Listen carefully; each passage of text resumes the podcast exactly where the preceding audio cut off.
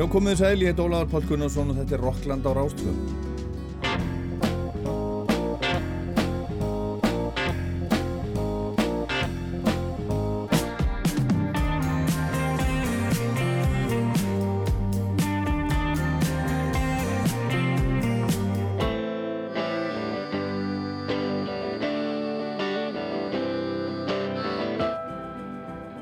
Gestur Rocklands í dag er Björk Guðmustóttir.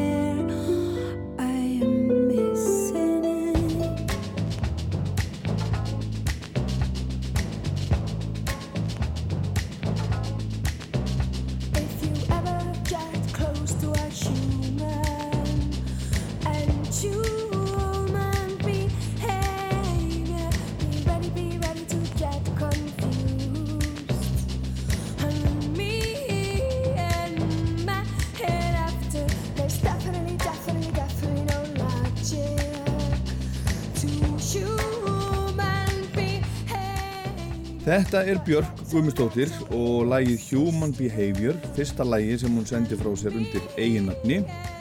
Fyrsta smáskjöfulagið af fyrstu plötunni, Debut, sem kom út 1993. Smáskjöfun kom út 7. júni 1993, næstu 30 ár síðan.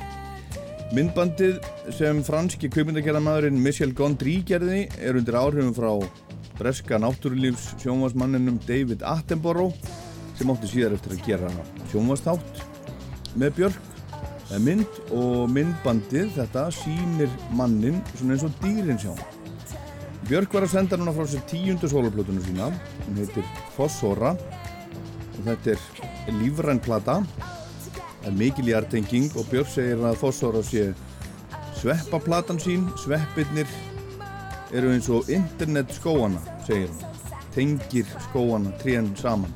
Tengir allt saman og maður sér hvað hún er að fara ef maður horfir á, á myndbandið hennar við lægið Atopos, fyrsta lægið sem hún sendi út í heiminn núna fyrir mánuði á þessari plötu. Það er svona sveppa, klarinett Karius og Baktus tekno fyrir 2001. öldina mjög skemmtilegt.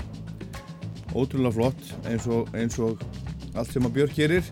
Platan er að mestu tekin upp á Íslandi og hún er mjög íslensk í rauninni unn á COVID-tímanum flestir sem eru með Björk á plötunni eru íslenskir vinnir og kunningjar. Hamra Hlíðakórin og Þorkjær Vingólfsdóttir Fólkur Symfóni Ljónsett Íslands og fleiri. Björk er sjálfu upptökustjóri og á auðvitað megnið af lögunum og textunum.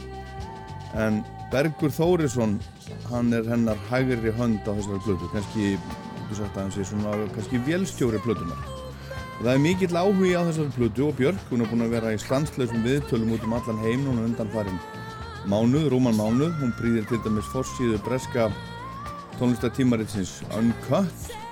Framan á nýjasta blaðinu Uncut er svona blað sem er yfirleitt mynd af Beatlánum eða Bob Dylan og yfirleitt eru kallar þar en núna er Björk.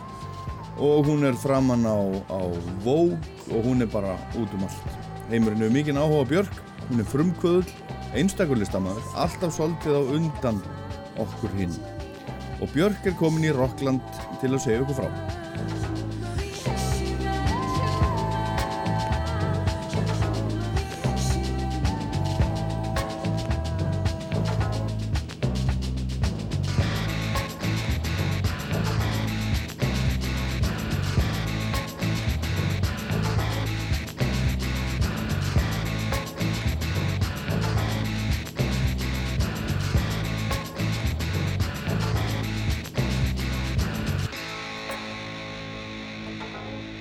smá hás á viðtölum. En það ekki? Nei, nei, Er þetta ekki, ekki óþarlandi að vera í svona endalösum viðtölum?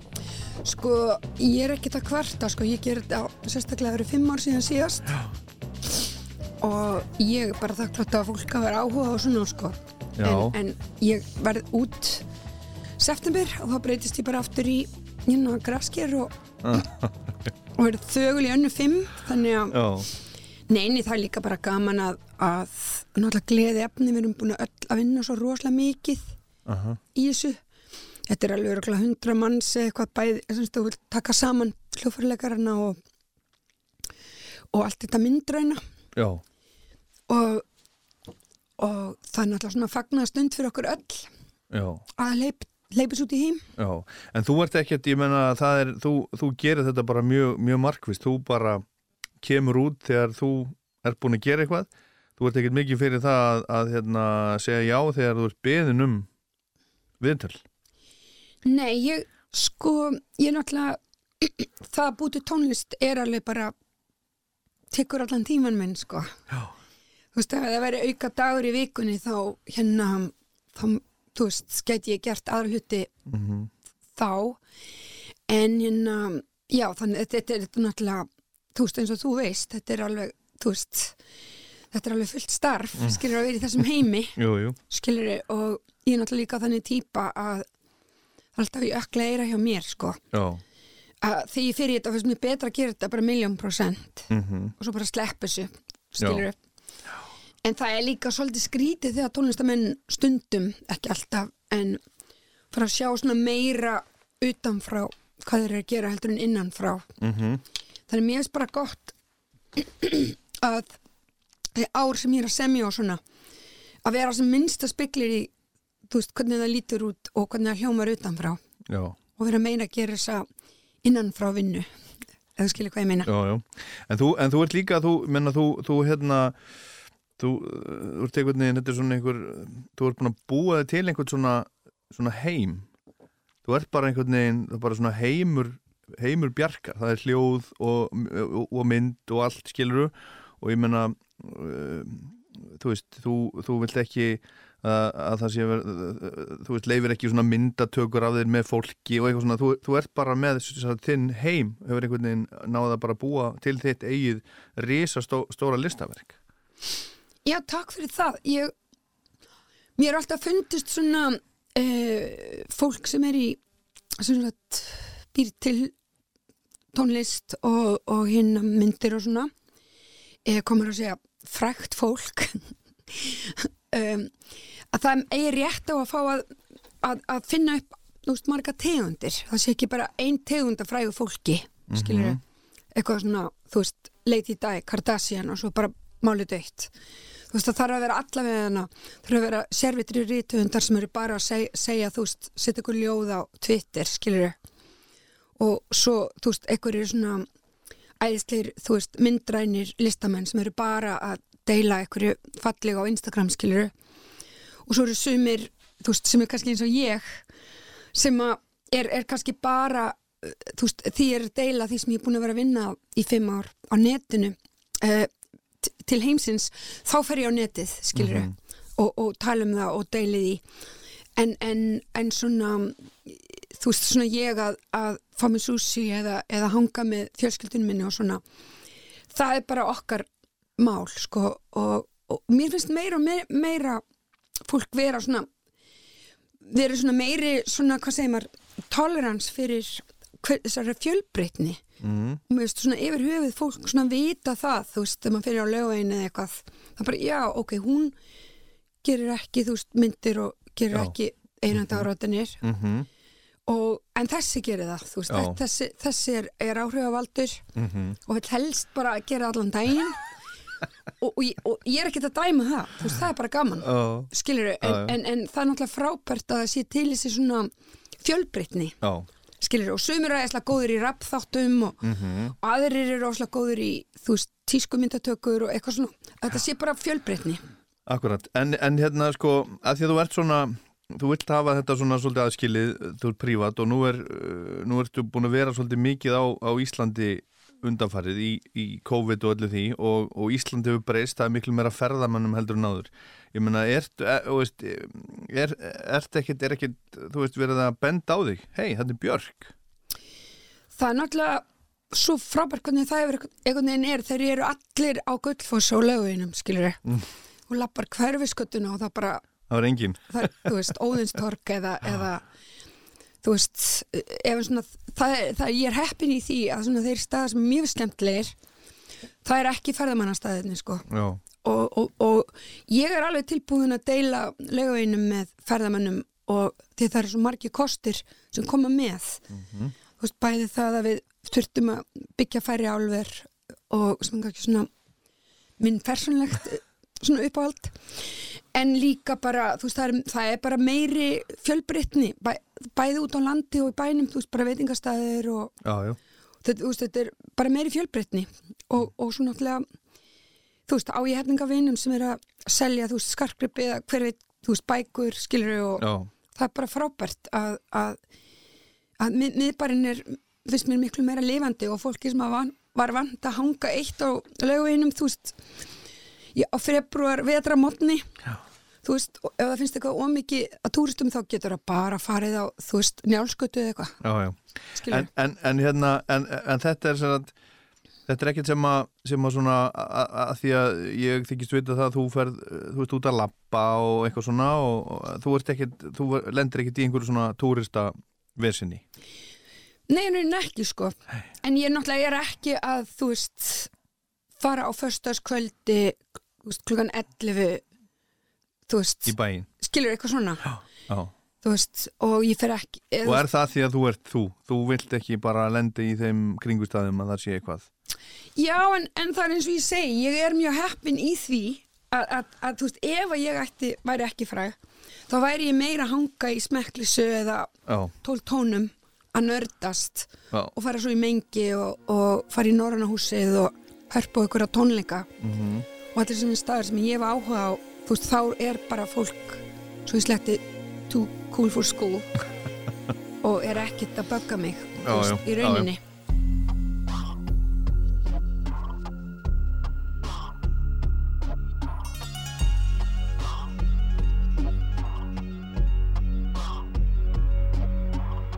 You be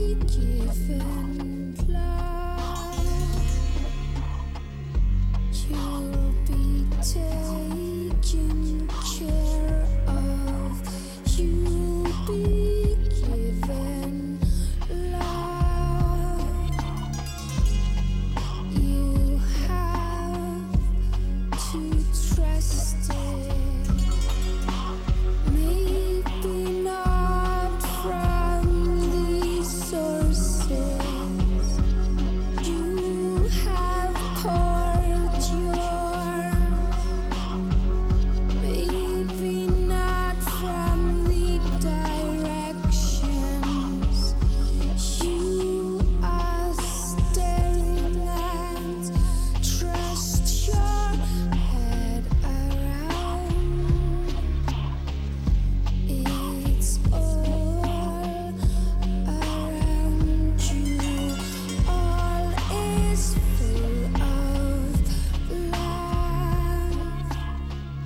Þetta er tíunda plataðin sem að er að koma út núna, komin út.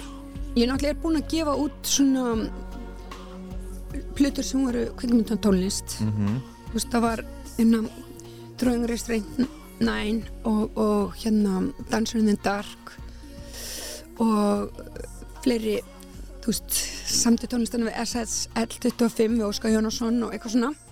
Þannig að mér, svona alltaf síkumalotnir og alltaf kukl, þannig að um, mér finnst þetta svona að vera þú veist, meira.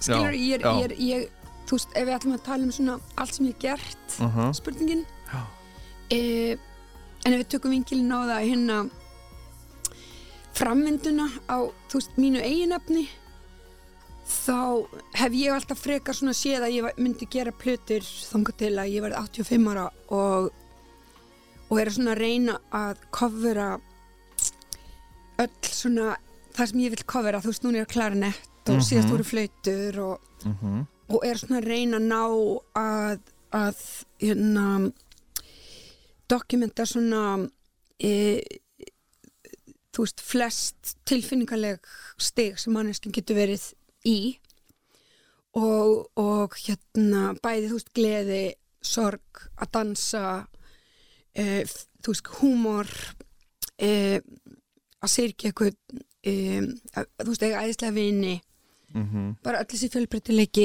manneskjunar um, og svo líka bara öll stíðin sem við förum í gegnum þú veist, ástinn og, og fjölskylda og og you know, fráfall vina og, og og svo framvegis, skilur ég Mhm. og, og ég um, ég til dæmis uh, las mikið dagbækur annars ninn því var þrítug og, og ég spara mér það því hún skrifaði dagbækur út lífið. Mhm. og ég hef alltaf bara lesið þá bók þar, þegar hún er jafngamil mér.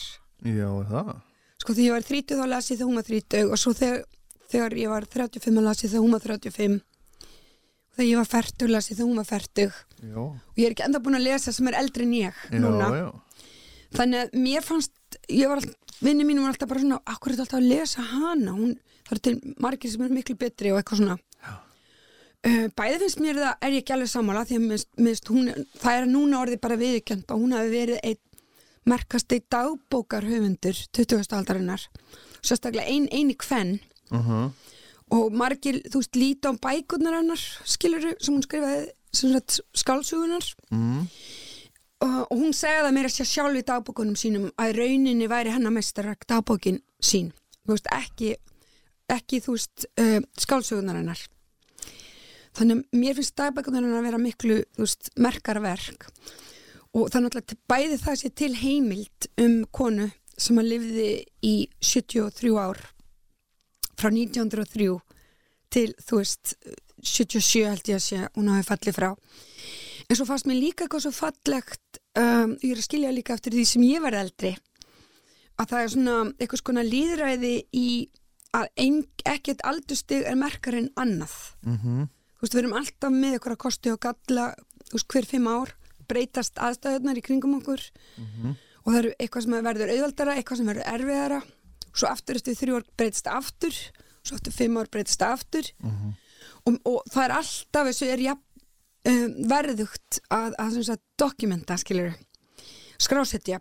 Uh, og um, mér finnst þetta bara ofslega svona marathon sem að ég er í og mér finnst þetta bara ofslega spennandi verkefni og, og ná þessu ég byrja náttúrulega að skrifa dagbækur sjálf því ég var unglingur og ég á marga ferðartöskur að dagbókum Ok.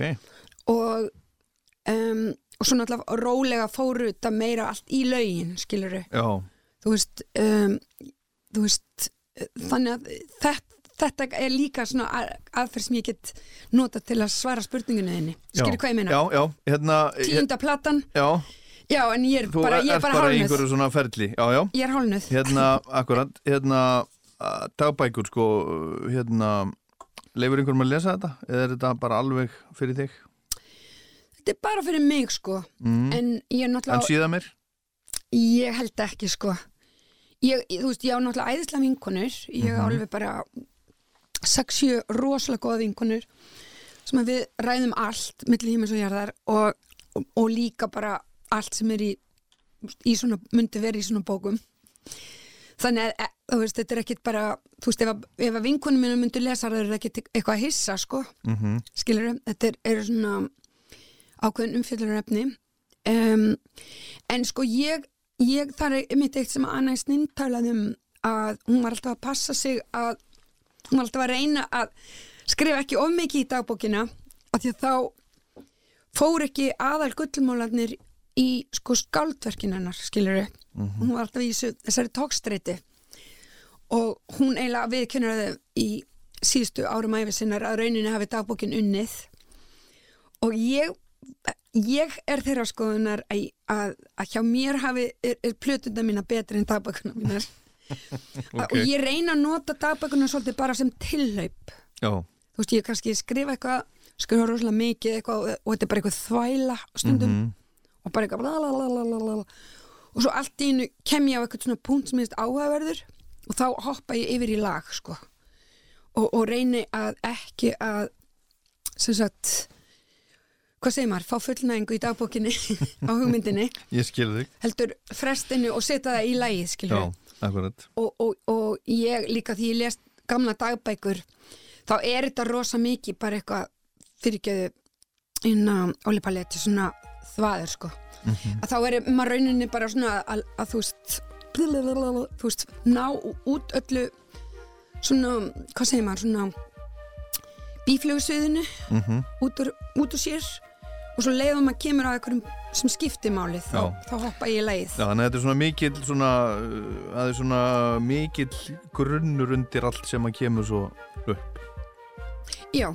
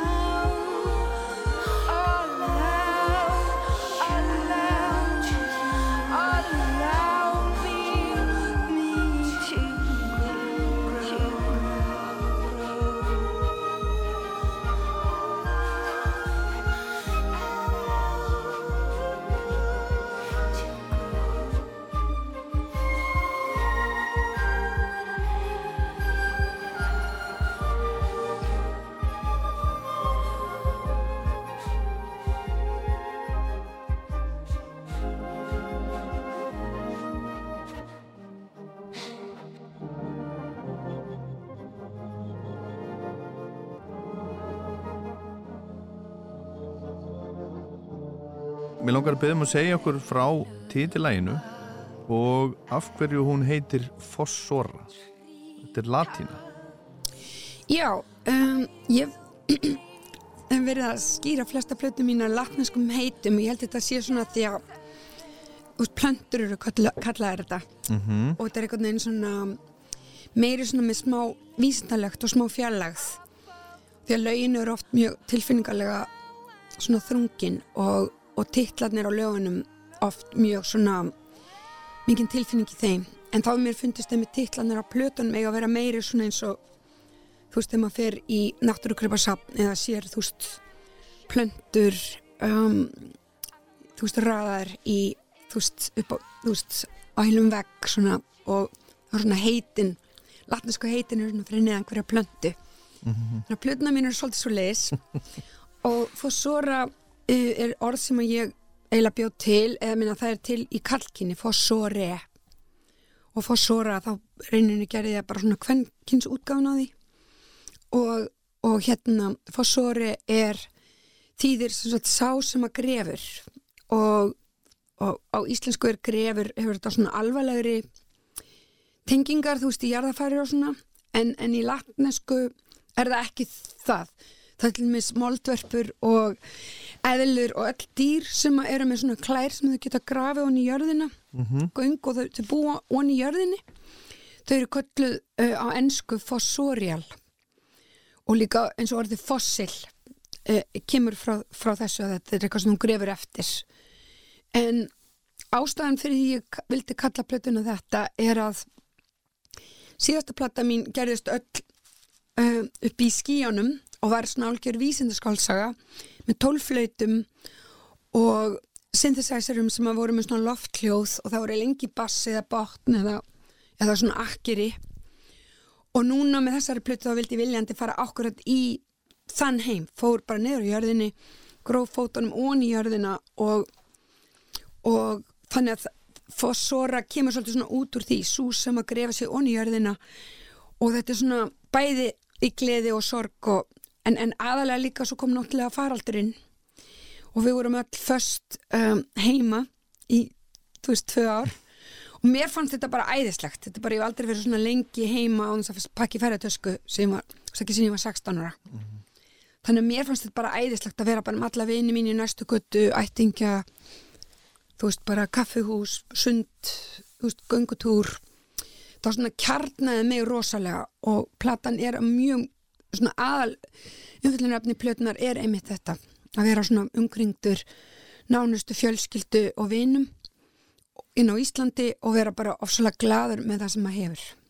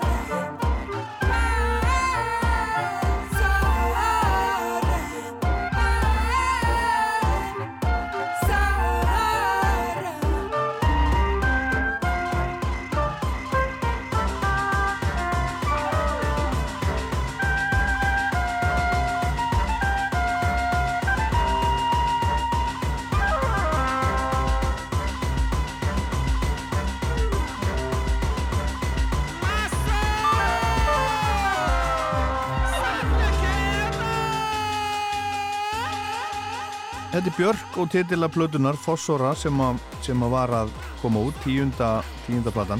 Þú varst að tala á hann um hérna, titla platnana og, og einmitt, þú, ég var, var að tala á hann um þú væri búin veginn að búa til svona Bjarkar heim og, og ég hef svona, eða svona mín tilfinning er að, er að þú sért einmitt svona mikill raðari og hefur svona einmitt upp á vegg, nöfnin öll svona stutt, latína einhver svona orð sem að kannski maður heyrið það fyrst og sér þá bara hvað þýðir þetta?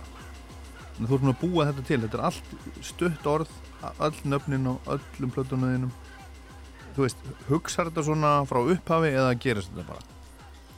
Já, sko alltaf fyrstu svona tvö árin á, á hverju plötu þá er ég algjörlega öfugt við þetta, þá er ég meiri bara ofsalega fara bara eftir tilfinningunni og ekki það skilgarinn að neitt. Og er kannski mikið að labba úti, ég hef alltaf samið alla mína laglínur bara út að labba. Mm -hmm.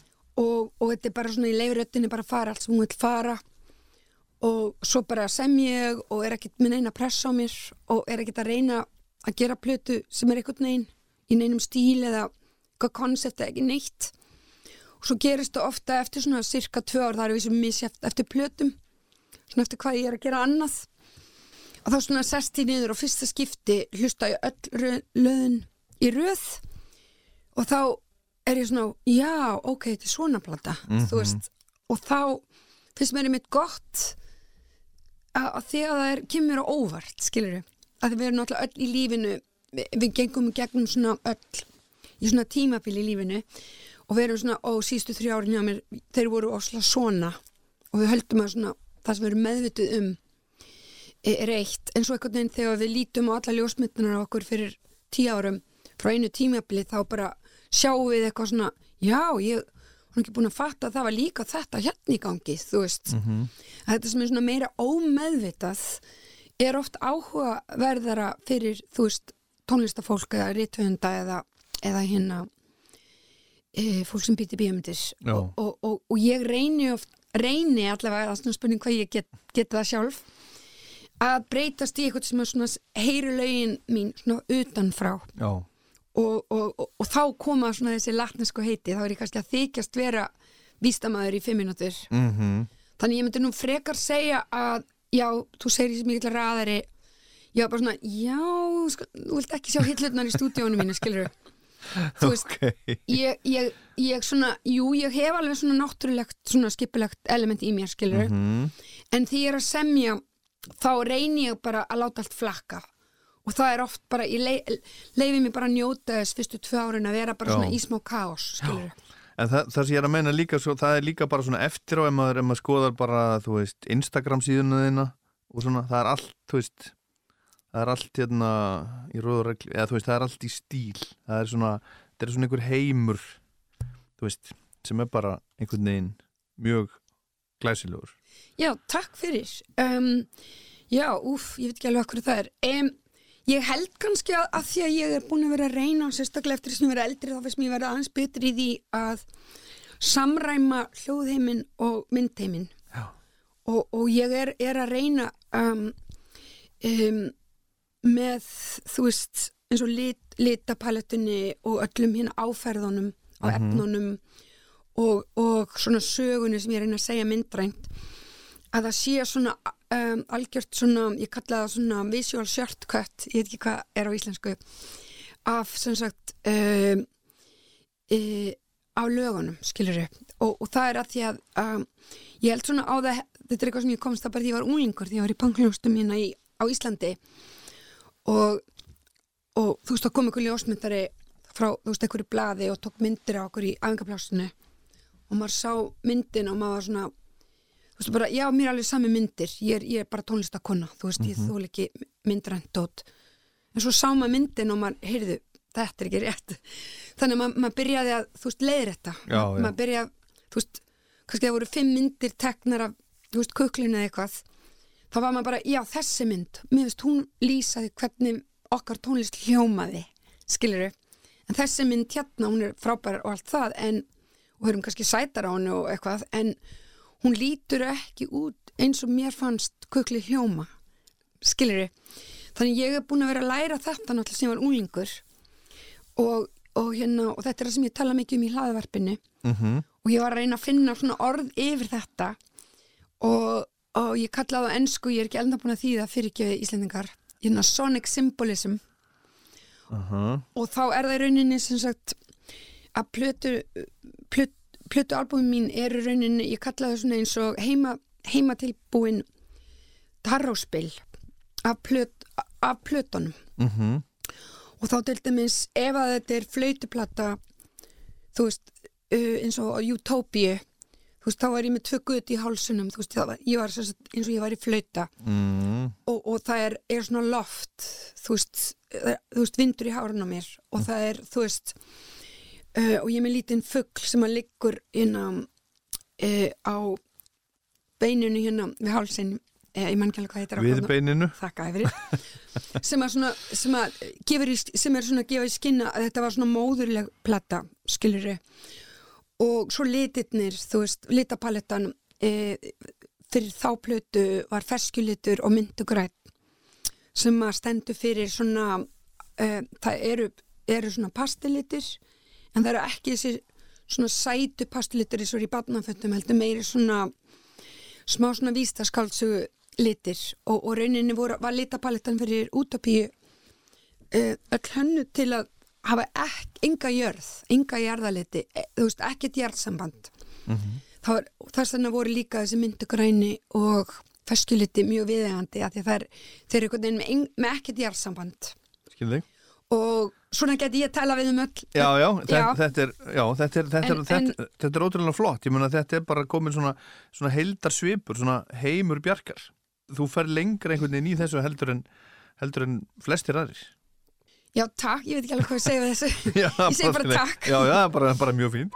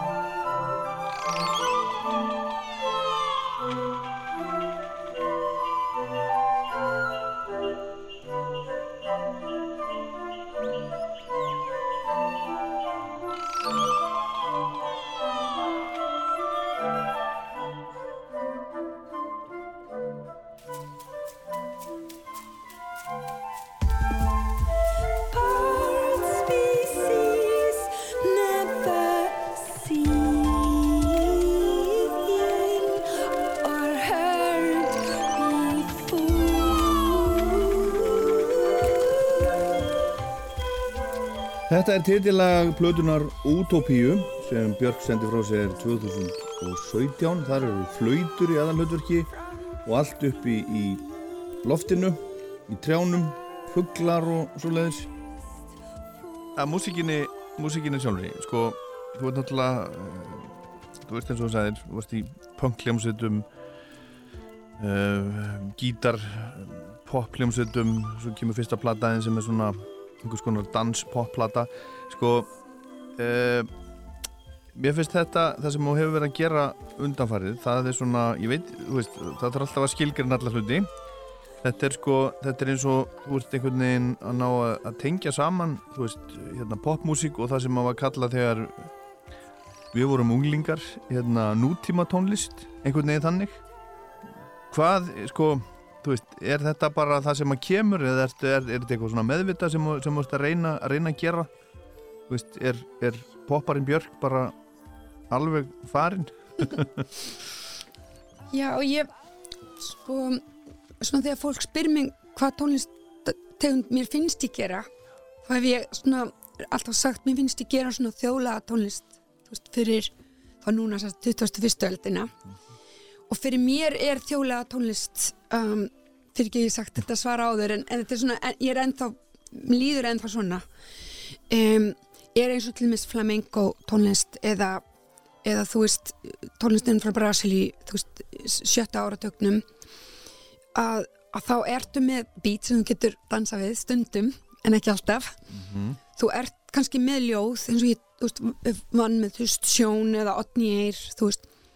Eins og í flamenco tónlist þá ertu með ljóðskáld sem eru alveg sko bara þungavíkt eða svo, svo gulluð hálist eða sem sagt æðri um, og svo eða ertu með sagt, líka lágmenningu hámenningu, lágmenningu saman í sama læginu og um, og líka með sagt, tengsli við uh, sko sem þú ert frá skilur og ég er náttúrulega íslensk, ég er mjög íslensk skilur og það er alveg á plötunni þú veist, hamrarlega kórin og, og alls konar alltaf tengingar við við íslenska menningu á öllum mínum plötum.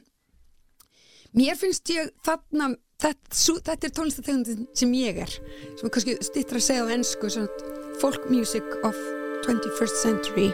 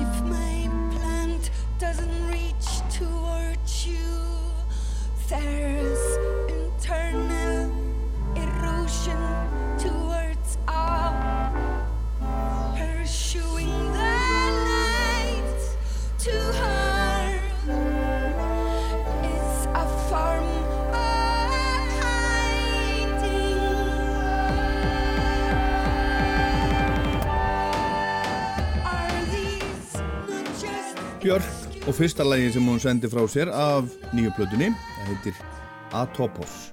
Og skemmtilegt myndband við það svona sveppa myndband. Mér finnst poptónlist sem ég ber fulla verðingu fyrir það er svolítið svona önnur kategória skiluru og, og ég alveg bara tek að finna ég hlust á mikið pop heima hjá mér og þú veist, ef engin vandræði með pop skiluru um, þarna sko í þessum þetta er náttúrulega bara það sem ég sjálf áhuga á skiluru ég les ljóð, þú veist, ég les bækur. Ég hlusta á þú veist, Beyoncé skiluru ég, þú veist, ég dansa við þú veist, arka heima skiluru um, Gabbar Modus Operandi, þú veist, Side Project sem eru íslenski strákar sem eru æslegir þú veist, þetta er raun og veru bara ég hef reynd að vera að gera plötur sem er raun og veru spegla þú veist, það sem finnst, sjálfur finnst gaman skiluru og, og ég held að fleiri en við hel, höldum þú veist, fóru kannski lærðu á hvað hljóðfæri sem krakkar í nokkur ár.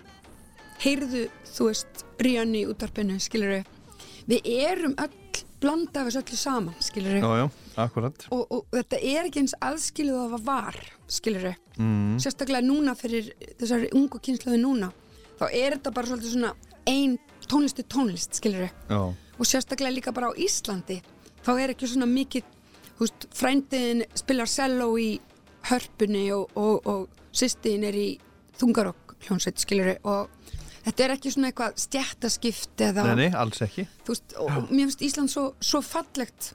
Já, fallegt raunin, raunin þarna. Um, en, en svo ég líka svara þessari spurningu fyrir ekki á annan hátt sem ég líka bú- búin að vera að benda á sem var eitthvað sem ég komst að í hlaðarpinu líka og það var sannaði svolítið svona það sem að mér hefur alltaf fundist. Að rauninni alla plötna mína líka þú veist debut, post, homogenic og alveg þangað til núna þá er, það hefur alltaf verið sama hlutfall af sagt, poppi uh, þú veist, hérna, tilruna kendri tónlist um, eða, eða það sem er kallað á einsku experimental electronic tónlist sem er kannski svona svo stefnum sem ég lendi oftast í. Um, og, og sem sagt um, lög sem þú getur dansa við. Um, það er til mér sem þú tekur til mér þú veist, post, við vorum fólki sem var að setja tónlistina á bakvið þú veist, rappið okkar ása og otnýjar og var að reyna að velja rétt lög það var til mér svo post allir hald- hugsa um það sem eitthvað svona 90s nýjunda áratugs þú veist, hérna reif bara dúf, dúf, dúf, dúf allan tíman en fyrir okkur sem eru nógu gummul sem muni eftir því þá er það allt, í rauninni allt, allt remixin, skilur við -hmm. það eru ekki, þú veist, þú hlustur á plötuna þá eru lögatna eins og Cover Me, Headphones e, þú veist e, það eru kannski tvö lög sem eru svona, veist, Hyperballad og, og Isobel sem eru kannski meiri svona sigur en á nýju plötunum minni þá finnst mér til mis Óvjúl sem er að koma út. Um, og í rauninni Atopos þótt að það sé kannski smá pankað þá eru þetta svona svipu lög fyrir mér eins og þú veist Declare Independence eða, eða hérna þú veist, Yoga, skilur ég All these accidents that happen follow the dot. Coincidence makes sense only with you. Don't have to speak. I feel emotional landscapes. They pass me. The riddle gets solved, and you push me up to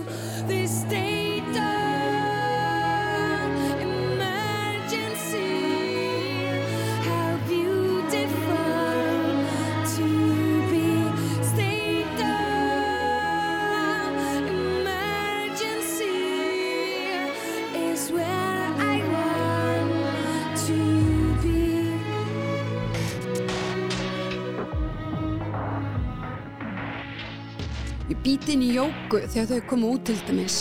Þau voru, fólk fannst þau mjög þú veist, experimental og, og erf, erfitt, erfitt að hlusta þau, skilur við mm. og það núna, þú veist, er fólk aðeins kannski búið að venjast þeim með eitthvað.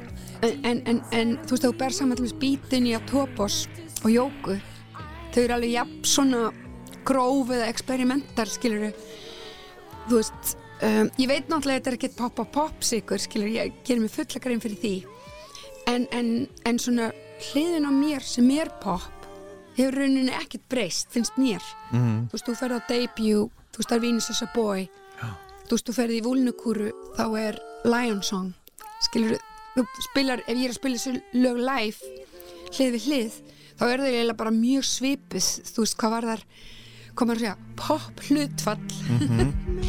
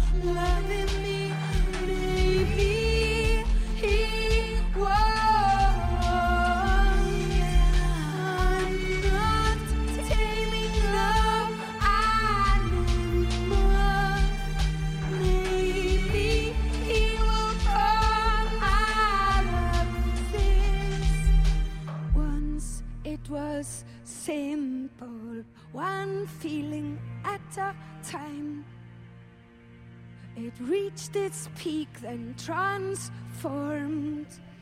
These abstract, complex feelings, I just don't know how to handle them.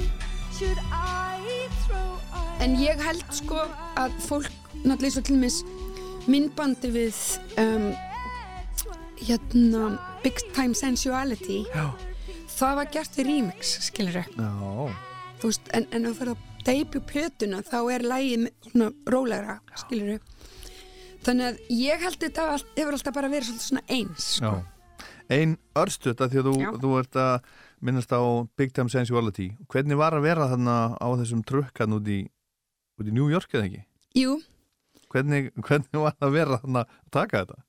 þetta var náttúrulega alveg stórkostleg hugmynd frá leikstjórunum að að gera þetta uh, að því að ég er náttúrulega mjög introvert Já. típa sko. Já, og þótt ég sé núna búin að drekka þrjá kaffi og ráslega hressi og alveg palið þá er þetta svona, þú veist, and Hyde Já. sko, en um, ég, svo fer ég heim og tala ekkert í tvo daga skilur en, en hann sérst legði trukk og keiriði bara upp og niður New York í eilan dag og voru með hátalar og allir bara horfðu á okkur skilur einmitt og voru að kleppa og svona og dansa og, og hérna og þetta náttúrulega dró fram svona hlið inn í mér sem, sem sagt, eh, performer introvert performer eh, tók mig alveg bara á istu nöf skiluru en þetta var rosalega skemmtilegt Já, og, hérna, og svona líka náttúrulegt og svo náttúrulega líka svona, maður er svo mikill íslendingur það er gaman að vera úti allan daginn.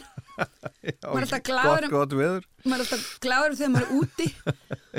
Mér finnst alltaf jafn erfitt að filma inn að myndbönd sem eru veist, inni í stúdíu allan daginn. Þá er ég alveg bara búin á því en þegar maður gerir úti myndbönd þá er maður alltaf í góðu skapi sko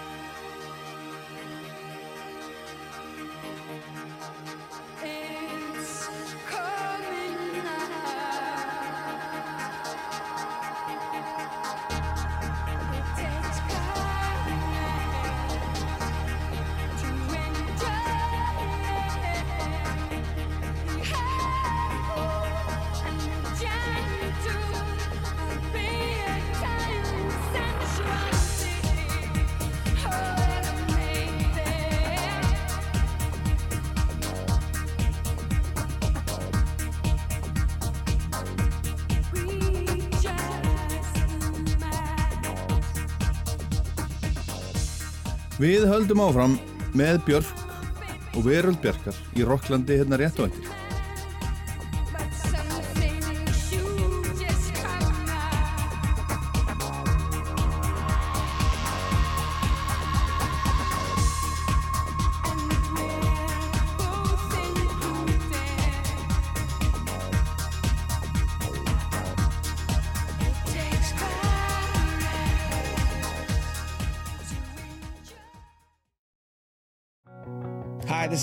Hi, this is Taylor. and we're from the Foo Fighters. We're coming to rock you All the time, every day, every night, every weekend. once a month. On Christmas. Holidays too. Happy Thanksgiving. Have a great birthday. Goodbye. See ya.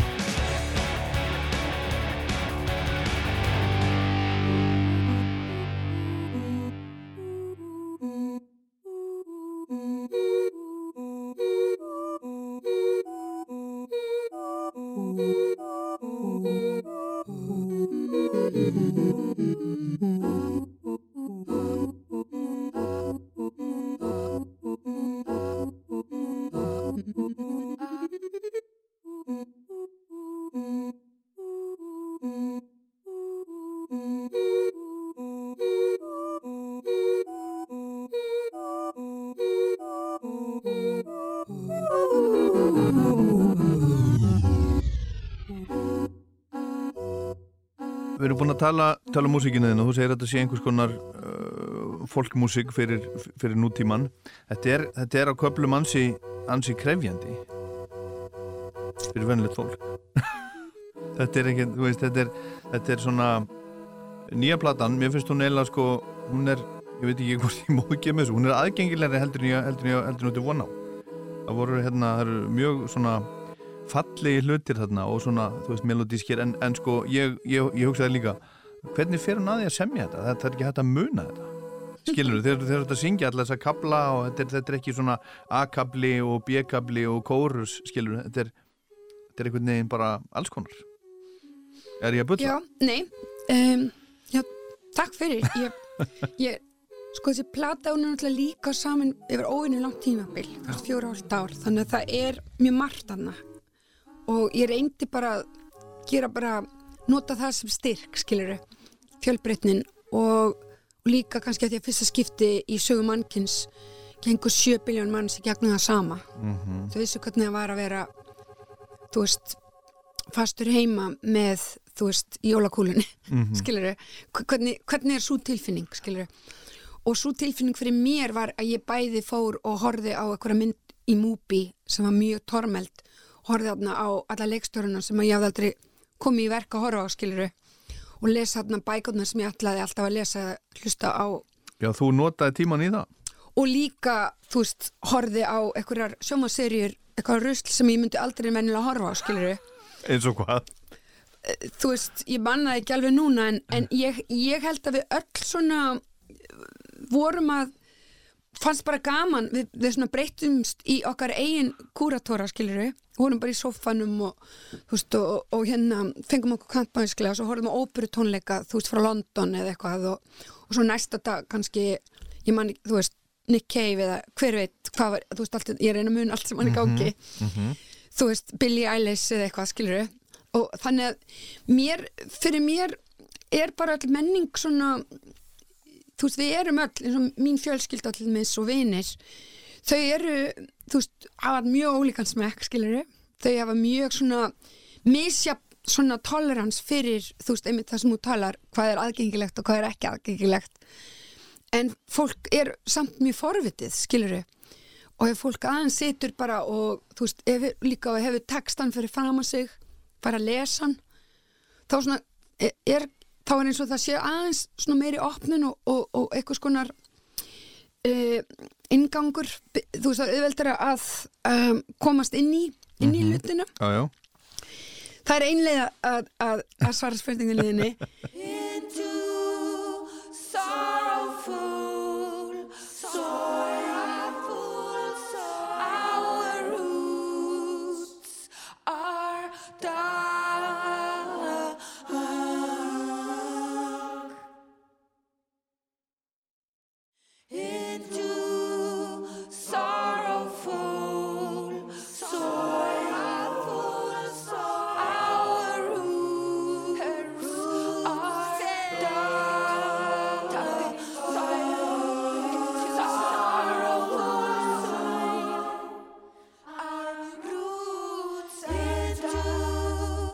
sorrowful,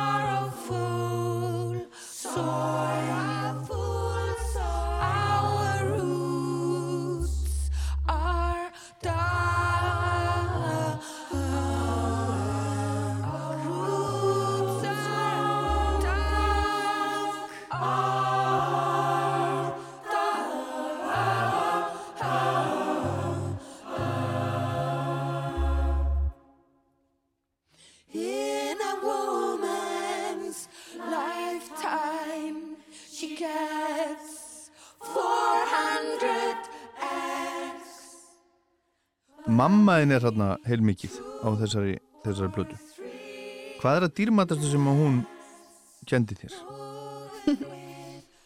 um, Og voruð þið í miklu sambandi? Þú- hún er stórt spurt. Já, þetta er svona þetta geti verið heil bók sko. Skilur ég meina, við erum náttúrulega öll ég man ekki hvað ljóðskáld sagði þú veist ekkert á ljóðunum mínum eru mömmu en þau eru öllu mömmu. á sama tíma innan, við til að fara með eitt sopa um, hvað er að dýrmartast það sem mamma kendi mér? Um, sko e, sko ég mynd, þú myndir spyrja þessa, með þessa spurningu þá, þá myndi ég sko hverju fimm árum breyta vera mismöndi svar, skilur mm -hmm. ákvarðat núna er ég að skilja betur hvernig hún rauninni uh, reif okkur út úr sem sagt feðraveldinni og þá er ég ekkert að kritisera neitt persónlega um, og flutti með okkur í Blesugróf í pínulíti hús þar sem að þú veist það var, það var eitt svefnarbyggi og, og mamma og, og stjúpum minn sá í, í stofunum skiliru og það lag það var regning og við tæmt þurfum að vakna miðan nótt og tæma fötuna þú veist en það var rosa mikið gleði skilur við krakkandinu okkur fannst þetta bara frábært. Okkur fannst þetta ekkit eitthvað svona e, þú veist e, eitthvað rill, okkur fannst þetta bara frábært. En því ég lít tilbaka á það þá skil ég að þarna var þú veist, ég hafði allt plássið í heiminum skilur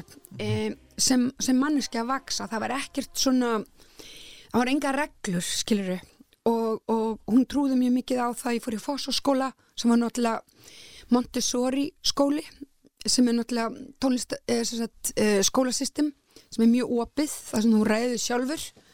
Og ert mikið að þú skipilegur rauninni þitt svona þitt, þína vinnu frá 8 ára aldri sem er náttúrulega mjög ungt. Og, og, og ég lappaði í skólan þannig að ég byrjaði náttúrulega að syngja mikið á leiðinu, þetta var 40 mínútin að lapp stundum og þannig að ég myndi kannski segja að svona stuttasvariði sem, ekki, sem gefur ekki heila bók er að, að sko ég, ég réð mér rosa mikið sjálf skilur og, og, og ég, þú veist, ég fekk bara að vera svo sem ég er. Og það var ekki, þú veist engin ægi eða, eða, eða þú veist, innan reglur. Og svo var, er ég þannig að um, þannig að það náttúrulega er mjög rauninni mjög svona feminist, skilur Mhm. og, og, og hérna og svo líka, getum við líka talað örgulega í mánuðum það að ég var semst af þessari líkla bats kynnslóð hérna, þú veist, kynnslóð X. Og og það er bara eitthvað sem allir vini mínu líka gengi gegnum, þannig að það er ekkit bara eitthvað ég, skiluru að, að þú veist, við vorum náttúrulega að fara bara sjálf í stræt og fimm ára og, og hérna í sund og sem að maður segir þetta á útlending og þeir fá alveg svitakast, sko. En hérna á Íslandi þá bara þekkti maður bílstjórn, skiluru Já, það var ekkert mál, já, já, skiluru já, já. og, og líka bara komið heim þú veist, einn, þú veist og þú veist klukkan fimm eða eitthvað og, og eða, fjögur og, og þá var bara einn heima að hlusta tónlist og spila pianoið og, og bara svona það var mikið svona innra líf skilur og, og, og, og ég, ég hlaut bara góðs já. það var bara gott fyrir mig sko Já, en voruð þið hérna, uh, nú er hún ek- ekki lengur hérna uh, meðal okkar, hérna Mhm. voruð þið uh, góðar vinkonur allar tíð? minna þetta var náttúrulega flókið samband eins og er oft milli maðra og dætra en við vorum alltaf í sagt, hittumst alltaf reglulega og, og þú veist þú veist, oft í mánuði og skilur þannig við vorum alltaf í lífi hvorannar skilur það, þú veist, það Rifust þið? já, já, já, þú veist, það fór alveg upp og niður sko eins og gerist Mér langar að spila hérna lagið My Ancestors. já, Það er, það er annað á tveimurlögum sem er, sem er svona tilenga henni. Ekki satt? jú, þetta eru náttúrulega tvö lög sem eru á plötunni um hana og fyrra lagi þetta er Sorrowful Soil setna lagi þetta er Ancestors og þetta er raun og veru Soil í sami meðan þegar hún byrjar fyrst að veikjast og maður þarf svona að skilja þetta síðasti kaplinn í hennar lífi. Þannig að það er svona meiri sorg í því lagi. Ancestors sem er núna að koma er sami eftir að hún yfirgefur okkur þannig að þetta er meiri svona eins og fögnuður um hennar líf eins og mér finnst alltaf falla hvernig Mexikanar og Írar gera þetta að, að þegar fólk fellir frá þá er það meiri sem taldin bara veistla Já, já. að fagna lífi Já. þannig að það eru náttúrulega í þessu lagi Ancestors svona augnablík sem eru sorgleg en á það heila er lagið að, þú veist, er lagið að fagna lífennar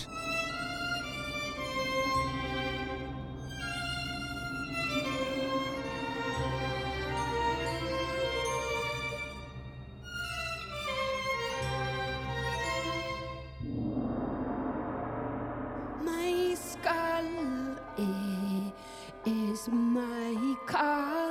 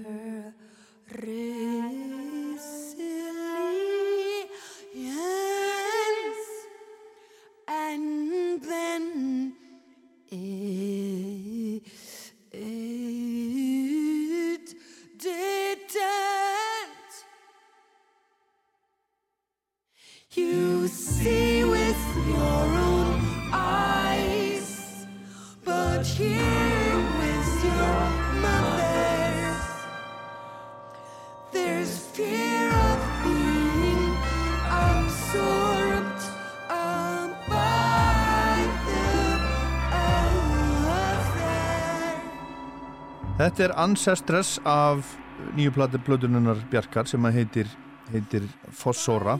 Og þetta er svona, hún er búin að vera að segja, segja okkur frá því að þetta sé svona þetta er svona jarðar, jarðarplata og meðan síðasta plata var svona meir upp í, upp í skíjónum það er svona, þetta er svona sveppa sveppaplata. Hérna eru þetta einhverjar þú veist, eh, þú veist, það er svona sveppir einhvern veginn í, í, á umslæginu og og svona er, og, og svo er þarna annar lag uh, Mycelia, er það ekki? Þetta er svona sveppa eitthvað. Er þetta einhverja svona, svona uh, ofskinnjunar sveppa pælingar? Ertu, ertu að gera uh, hérna sílósýpin tilraunir? Nei, það er, það vísu ekki sko. Þótt að ég alveg satt. Já, þótt ég hef ekkert á móti því sko. Um, Sveppaplata, þá meina ég meira sko eins og þú segir, sagðar áðan svona jarðartenging Þetta er meira svona gróðurinn sem er neðanjarðar. Já, ekki sækjadelja Nei, en ef þú horfir á sko heimildamindina Fantastic Fungi sem er á, er á Netflix sem er æðisleg þá eru, þeir fyrsta skipti var heimurinn að horfa á þú veist hvernig sveppir vaksa undir heilum skóum og eru jafnvel svona eins og internetið fyrir þú veist öll trén, þau eru alltaf að tala saman í gegnum mycelium og sveppi og allt þetta þannig að fyrir mér sko, þetta er svona meiri þú veist þegar tónlistamenn tala saman þá tala þeir oft svona tungumál sem að, hérna, annað fólk kannski skilur ekki alveg. Og þegar við vorum að æfa með, með klarinettu leikurunum e, og þeir komin okkur sem upp í bústættir mín og, og við vorum að og ég var eitthvað svona að reyna að útskýra fyrir þeim hljóminn. Og, og þegar ég svona, maður segir við til mér sem svo hljóðmenn eða, eða fólk sem er að hljóðblanda já, þetta er svona sveppaplata. Þá, ég veit við trúir þessu ekki en þá segir þeir, já, ok. Þú veist en, Ég skil það bara alveg. En, en sko þá er, erum við að tala um, um sem sagt uh, þú veist, trepulen og bassa við, við erum að tala um eitthvað sem er niður grafið og svona smá svona loðið. Já. þú veist, þetta, þetta er eitthvað neðanjarðar. Og ég til dæmis þegar um, við vorum að tala um vibrato við um, klænettuleikarana þá sagði við á, við á já, ímyndið ykkur að þið séuð í jazzklub árið 2050 í hérna Samalandi eða þess að norður Skandinavi og það eru þrýr á klubnum og þeir eru búin að drekka eitt reyðinsglas þú veist, viljum fá svoleiðis vibrato og þá segja klárnöldlegarnir þú veist, já, já, ok, ok, við skiljum. Já, já. en þá náttúrulega eru tæknilega séð upplýsingarnar eru, já, þetta er ekki svona romantíst eins og hjá Ítölum og miðjarhafinu þú veist, ofslega mikið vibrato alveg bara, þú veist, sólið mjög þú veist, alveg hérna. Og þetta er ekki alveg svona kalt þú veist, svona modern þú veist, nútíman tónlist bara ekkert vibrato þetta er svona í miðjunni, þú veist, það er smá og það er smá svona í, þú, því ég var að gera alltaf klarnettu útsetningarnar svona mín, mitt svona take out jazz, skilur þú veist, þetta er ekki jazz, skilur en þetta er mitt take out jazz, skilur Ok. Og, og hvernig svona, líka svona norðurlanda jazz, hvað, hvað er það, skilur Já. og þetta er svona mín uh, út, svona útgáfa af því. Heyrum, þann kemur líka fyrir ekki sveppa konseptið, skilur já Og mér langar að spila núna Fungal City. Já, Hvað getur þú sagt okkur um það? Já, þetta er lag, já, Fungal City er kannski það sem að við byrjum á klarinettu útsetningunum og svo í lokin á læginu þá fóru út í strengina. Um, eina læg sem að gera það á plötunni, mér fannst einhvern veginn við þurfa á svona þetta að lifta læginu upp og, og æðislega góði vini minn Serpent with Feet sem að ferðast einmitt með okkur um bandaríkin og söng með mér remixið sem hann gerði Blissing Me. Um, en ég held svona, ég byrjaði á, á plötunni sem samt klarnettuplötu og ég held að ef að COVID hefði ekki gerst þá hefði ég klart klára hana þannig. Mm. og haldi mér svona alveg við konsepti vera óslega hlýð, hlýðin. Klarinettur og söngur. Kannski og Ó. beat náttúrulega. En það sem að gerðist líka fyrir sko allir hörputónleikarnir sem ég gerði fyrir ári síðan mm þá fór ég að, að útsetja hérna þú veist þá fór ég að taka inn þú veist alla flauturnar sem ég unni með hörpurnar, strengindi sem allir sem ég unni með brassir sem ég unni með. Og allir þessi Íslendingar og ég var alveg rosalega væmin og við tókum minna mynd fyrir fréttablaði þar sem við fengum öll að mæta og við veist, tókum mynd ofanfrá. Og þetta þetta er svo mikið af fólki. Já. og þá einhvern veginn þegar þú veist, við, fyrst heldum við öll að COVID er bara eitt ár, svo allt einu var það tvö ár. Og þannig árið tvö þá fór ég einhvern veginn að heyrðu ekkert verið eitthvað svona föst í einhverju svona konsepti, droppaði því bara. Helmingurinn af plötunni eru klarnettur og hinn helmingurinn af plötunni gefðu bara hverju lagi það hljóðfæri sem það þarf. Þetta lag þarf strengi. Gerð, gefðu strengi. Fungal City þarf strengi gefðu strengi. Þú veist uh, Sorrowful Soul þarf kór gefðu því kór. Þú veist og þá byrja ég meira að svona ein, að, að ég kláraði plötuna svolítið sem ástaróð til allar þessa íslensku hljófræleikara sem ég er búin að vera að vinna með Aha. alla æfi þú veist, Hamrarlega kórin og, og Þorgerðir og, og Symfóniuljónstinn og Strengja kvartett Sigga og hérna og svo framvegs Hérna, áðurinu heyrum Fungal City hérna, Þessir tónleikar í hörpu í fyrra Ég rekna með að hafi tekið þetta allt upp. Já. Allar þetta út sem einhvern svona, Já, okkur um tímapunkti, já, svona, svona pakka? Já, okkur langar til þess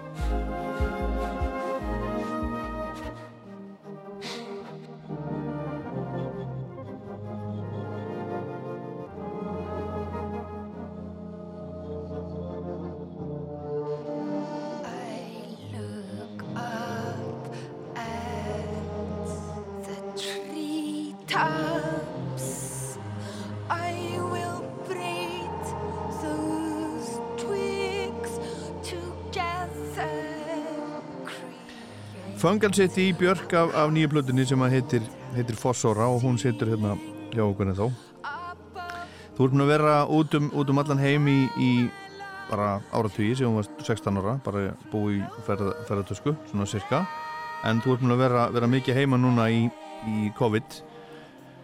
Hérna hvern, hvernig líst þér á, á Ísland 2022? Is there a hope for tomorrow? Eins og þeir sögðu hérna Já, mér finnst bara frábært hérna og, og mér finnst bara æðislegt að vera einn og bara verið einn bestu þrjú ár, bara æfum minnar að, að fá að skjóta niður rótum og alveg svona lenda og allir kassarnir mínir eru komnir hérna og fyrsta skipti í mjög langan tíma sem að allir kassarnir mínir eru í sama landi. Er Sett allt sem þú átt. Allt sem ég á. Já, ég er ekki búin að opna á alla, það er hann önnur saga. Ertu safnari? Nei, nefnilega það er nefnilega svo skrítið, ég er það nefnilega ekki sko Okay. ég á rosalega mikið að geisladiskum, já Aha.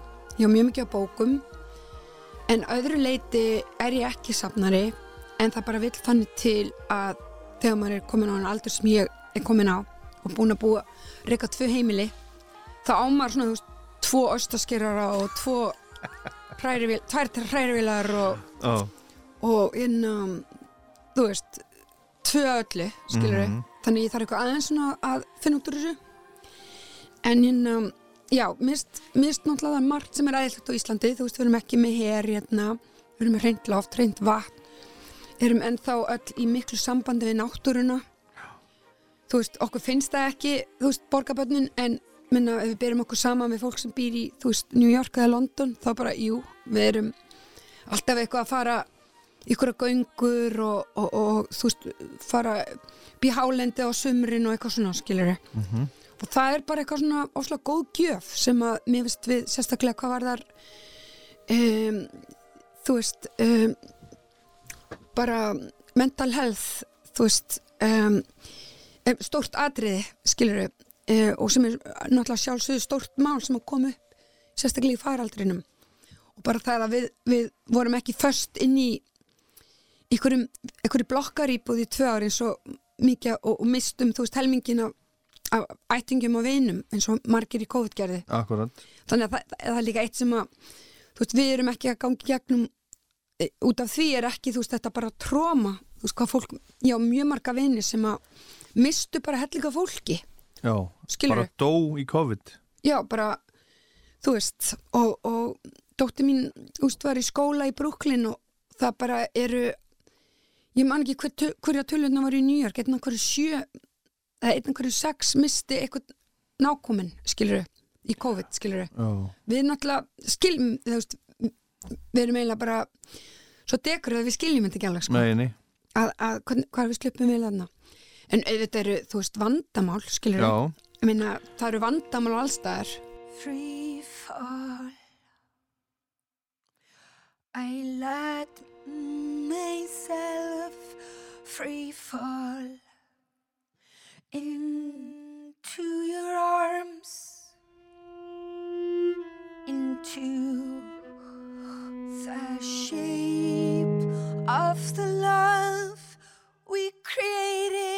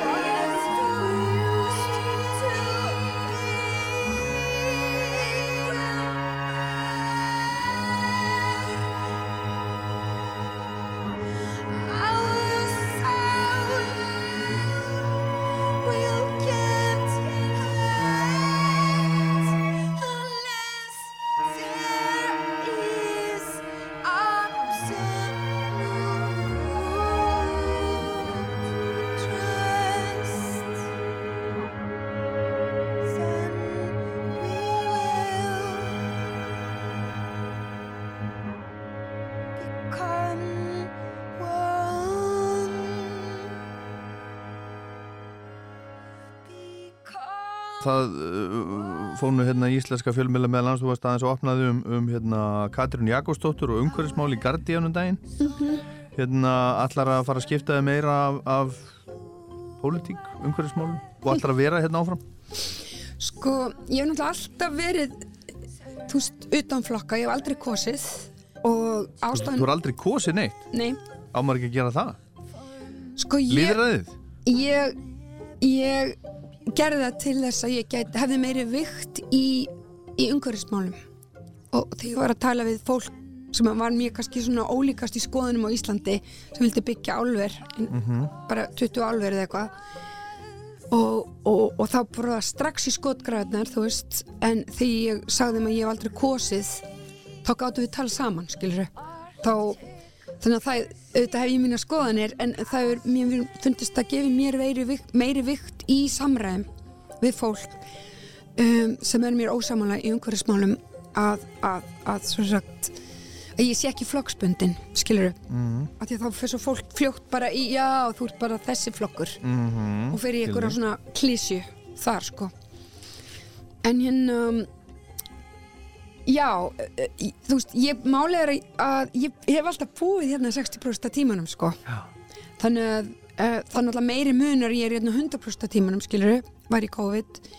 Það stökk fyrir mig.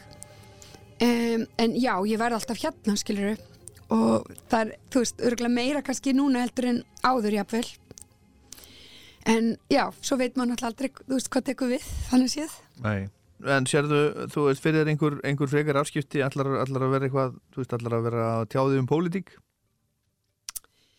E, Eða, þú veist, pólitík, umhverfismál, þetta náttúrulega tengist allt saman, framtíð heimsins, is there a hope for tomorrow? Sko ég, ég er náttúrulega búin að vera því þú veist í, í 22 ár ég skrifaði eitthvað, eitthvað pistil lengra síðan í mokkan þú veist 99 eða eitthvað, ég man ekki hvað ár það var. Svona fyrsti pistilli minn. Og ég hef verið mjög bara virk síðan og hef alltaf á þú veist, reglulega gert eitthvað þú veist, var með karaoke þar sem að fólk skrifaði undir að að enga væða ekki, þú veist, orkulindir Íslands, þú veist uh, ég var, þú veist um, þú veist, ég ætla ekki að vera með eitthvað svona lista monta með allt sem ég hef gert en ég hef alltaf verið mjög virk þarna. Þannig að það er ekkert nýtt, skilur og og um, þú veist, vann mikið á, á sínum tíma með Otni Eir, það voru alveg það var alveg átta mánuðir eða eitthvað það sem við vorum báðar í bara fullu starfi, veist, bara í umhverfismálum. Þú veist, við bara settum bókaskrif og, og tónlistar uh, tónlistina bara til alveg til hliðar og vorum í þessu í bara tó, veist, 12 tíma á dag.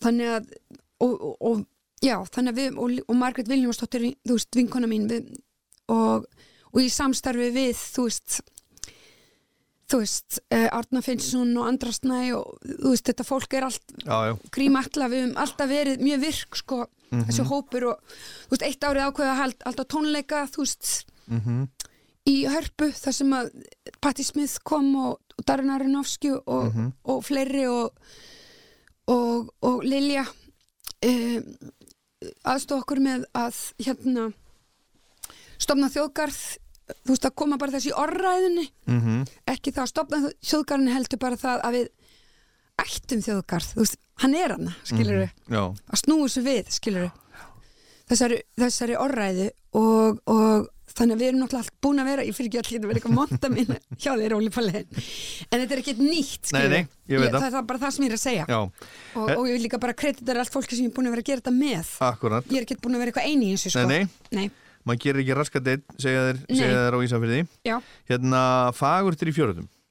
Já, Það er svona brítið, er svona lítið uppbrot, uppbrot, þetta er svona er þetta svona, uh, svona miðja einhver svona, svona fyrir og eftir?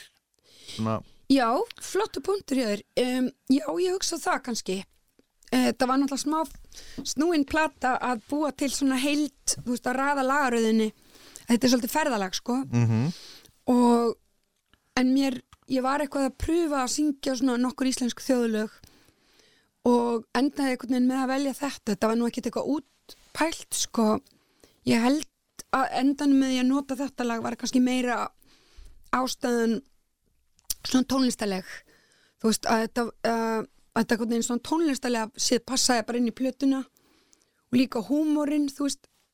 Þetta ljóði náttúrulega bara mjög fyndið þú veist. Allt sé aðeinslegt á Íslandi þú veist, það er nema þú veist, síðasta setningin skilur upp, nema allt eða eitthvað. Og uh, mjög spesn og húmor og svo náttúrulega var náttúrulega frábært að Látra Björg þú skrifaði ljóðið og og þetta var líka kannski að því að það eru tvö laun í röð um mömmu. Og hvernig fer maður út úr því? Já, já, þú veist að mér fannst einhvern veginn Látra Björg hún kemur hann og, og þetta er svona, hvað segir maður sorbegin sem að reynsar palettuna já. Og þá gat ég haldið áfram með plötuna skilur en mér finnst líka oft gott svona að hafa bara smá íslensku skilur og þú veist Mjög flott. að þú veist, ég, þetta, þú veist, ég gæti náttúrulega hafa verið að syngja alla plötuna mínu alltaf á íslensku sem ég gerði upphafi skilur en ég held bara að, að svona minn þú veist, hópur sem að aðdáðanda hópur sem hlustar á mig. Þú veist, þetta eru nördarnir skilur þú veist, hérna Íslandi, þetta eru nördarnir skilur og ef ég ætla að tala við alla heina nördana sem að finnst ég skemmtileg sem eru í, þú veist, Tælandi og Kína og Azerbaijan og og ykkur kompu í, þú veist, Texas og guð, guð veit hvað og, og, og rosalega mikið til dæmis í Suður Amríku eh, eitt svona stærsti hópurinn á netinu sem að fylgja mér eru, eru sem sagt þrítugir eh, samkynniðir Suður Amríku búar þetta er stærsti hópurinn minn. Já, ok. Þá verði ég eiginlega að syngja á ennsku skilur Já, þannig, þannig að sko til að fólk til að samin alla þess að nörda Já. Öxt, og, og ég myndi einhvern veginn afsæla með því að ég myndi syngja á íslensku. Þannig að þetta var náttúrulega stóra ákvörðun en þetta er svona ákvörðun sem ég tók fyrir hérna fyrir alla tónlistanördana að nóti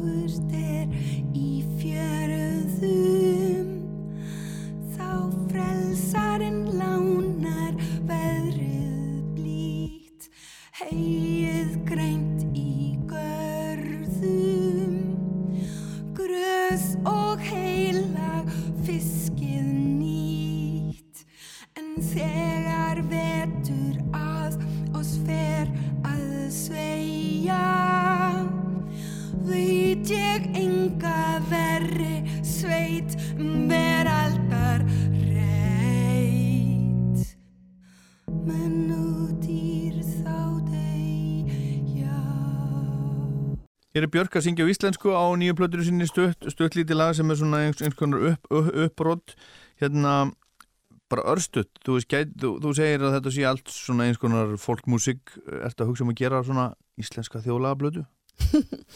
Íslensk Björk syngur íslensk þjóðlög, um, einsöngslög Ég veit það ekki alveg sko.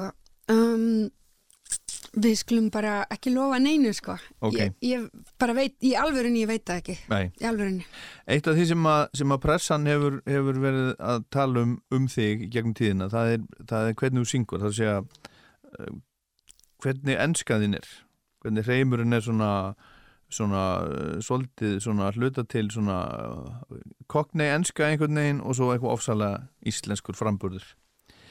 Er það, er það meðvitað eða, eða, eða þú veist, um, hvaðan, hvaðan sprettur þetta, þetta, þessi, þetta, þetta er bara alveg svona sérstakur stíl. Já, ég náttúrulega læriði mest ennsku í London og, og af Derek og öllum þeim sem ég var að vinna með á þeim tíma. Um, og þetta er bara þetta er bara reyminu sem ég með. En ég held bara alveg frá nýjunda áratögnum því ég byrjaði fyrst kom, kom fyrst fram þá var ég mjög meðutuð um það að vera ekki þú veist, ég var ekki koma frá þriða heims landi Mm ég var ekki hluti af fyrsta heims þjóðunum -hmm. þú veist eins og bandaríkjónum og, og, og Bretlandi og, og þessu Mm -hmm. það sem enska er, fyrsta tungumál heldur ég var hluti af, ég kallaði annar heims þjóðum Mhm. sem eru, þú veist uh, þjóðir það sem að enska er þeirra annað tungumál Mhm. Og það er bara allt í lægi og það er í rauninni eru það tungumál sem að flestir tala í heiminum er ekki enska heldur þeir sem tala ensku sem annað tungumál. Það eru, við erum stærri hópur skiluru, Mhm. heldur en þeir sem tala ensku með fullkomnum hreim skiluru þannig að ég hef bara alltaf ákveðið bara að vera bara ég að vera ekkert að þykjast fyrir ykkur annar. Og og líka á, í nýjunda áratögnum þá það er svolítið erfitt að ímynda það núna en það var, voru ekki margir sem voru að representa sko til dæmis um, þú veist því kalla annan heims þá er ekki bara að tala um þá sem tala ennsku sem annan mál heldur.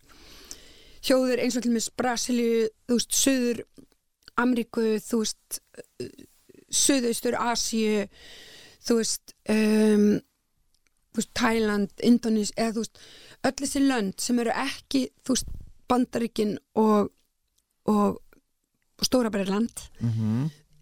ekki, þú veist, Evrópa en eru sem sagt e- þú veist, voru, voru dróðu þjóð dróðu landið sitt ekki gegnum innbyltinguna þú veist, árið 1700 eða eitthvað við mistum af innbyltingunni og síðan á 20. öldinni voru kannski nýlendur þú veist, sem að var frekar ræðilegt en kannski góða lið með það var að við, við mistum ekki all, alla náttúrun okkar og síðan eins og við á miðri, miðri 20. öld allt í unni fyrir við hann innmaðist en þá tökum við aðra ákvarðanir. Við erum ekki, þú veist, að gera bara miljónum messmiðir hliðið hlið, eins og í mannsýstir eða eitthvað. Heldur við höldum náttúrunni en förum beint í svona meiri hátækni.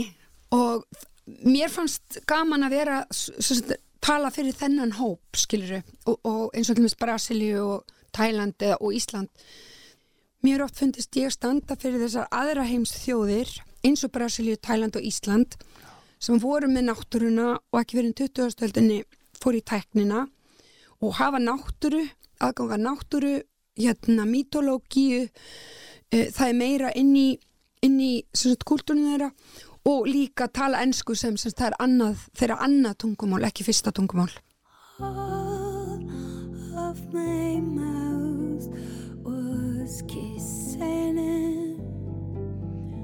Now into the air,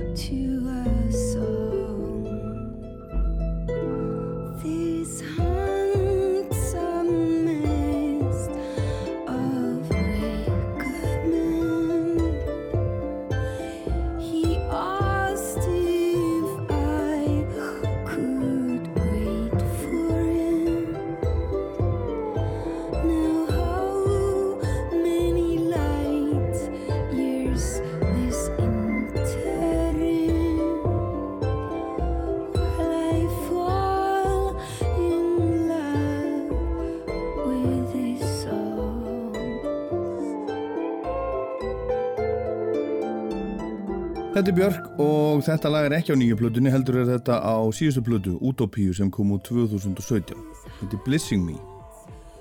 Segðu mér núna frá, frá Óvjúl sem, sem er smáskífan sem, sem er núna önnur, önnur smáskífan sem er að koma Já. út bara núna í dag. Um, Óvjúl er eins konar ástaróður og er um, um það að byrja alveg á nulli og reynsa sig öllum farangri þú veist, í burt og, og það er mikið af svona alls konar táknum í læginu þess að sagt, óvjúl er óval óvjúl, þú veist þetta eglaga e, hjarta sem ég er að tala um. Um, það er líka svolítið erfitt að útskýra í útvarpi en ég er að, að deila tekningu á netinu e, á samfélagsmiðlunum mínum um að ég er að ímynda mér í læginu að ég sé með eitt gleregg fyrir ofan mig og eitt gleregg fyrir neðan mig. Og svo er ég í einu glereggi og þetta eru þrjú gleregg sem að þú veist ég lapp um heiminn fylgja mér. Og í glerekkinu fyrir ofa mig eru mín hugmynd af fullkomnari ást þar sem að eru fólki ástarallutum og að kissast og, og í ekkinu fyrir neða mig eru skuggar ástarinnar þar sem að fólk því kemur ekki saman og, og svona neikvæðulegarnar ástinni. En með gler ekki sem að við erum í dagstaglega og, og er í miðjunni þar er svona meiri það sem að þessi venjulegu dag, daglegu hlutir í ástinni gerast. Veist, við erum saman hittum í eld, hittumst í eldúsinu að rista brauð eða, eða hérna vakna og, og þú veist, fara út í búð og gera alltaf svona, svona venjulegu hluti. Þannig að þetta lag er svona huglegging um það og að samræma alla þessa þrý, þrjá þætti. Sett, okkar hugmyndur um fullkomna ást um, okkar hugmyndur um átök úr skugga ástarinnar og svo líka bara þessa venjulegu svona daglegu hluti sem að við erum öll erum líka að gangum öll í gegnum og, og svona finna eitthvað svona flæði millir þess að þrjá þrjá mismunandi glerekja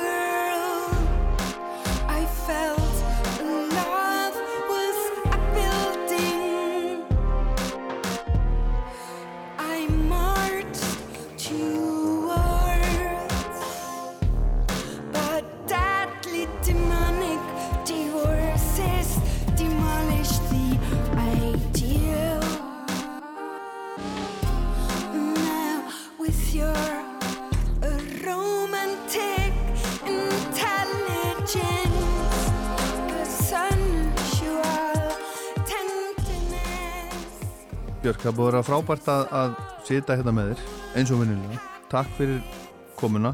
Mér langar svo að, að byggðum að enda á að, á að segja okkur frá loka lægin á plötunni.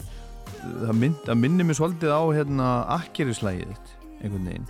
Er, er það, er þetta eitthvað svona er þetta að hugsa þannig, er, er, er þetta kallast á við við það á einhvern hátt? Og þetta er afskaplega fallet lag og flott, flott svona flottur loka þótt á þessari flottu plötu Um, hmm. Góð spurning. Um, ef það er líkt akkurislæginu þá var það ekki með þetta. Uh,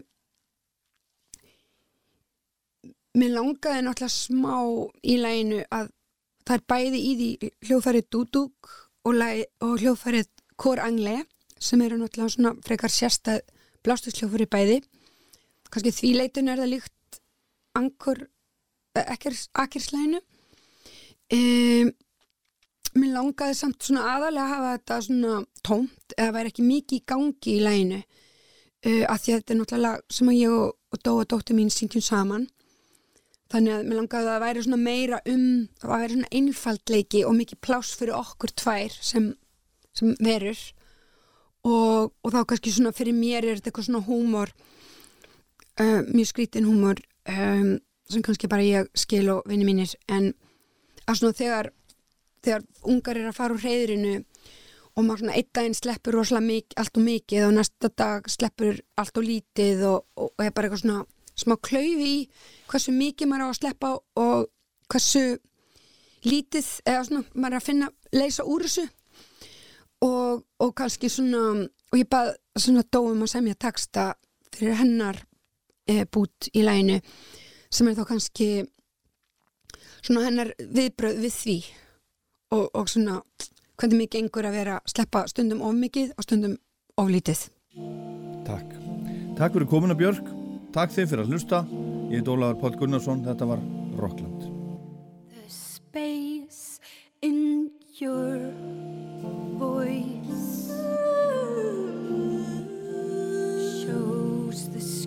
of your compassion.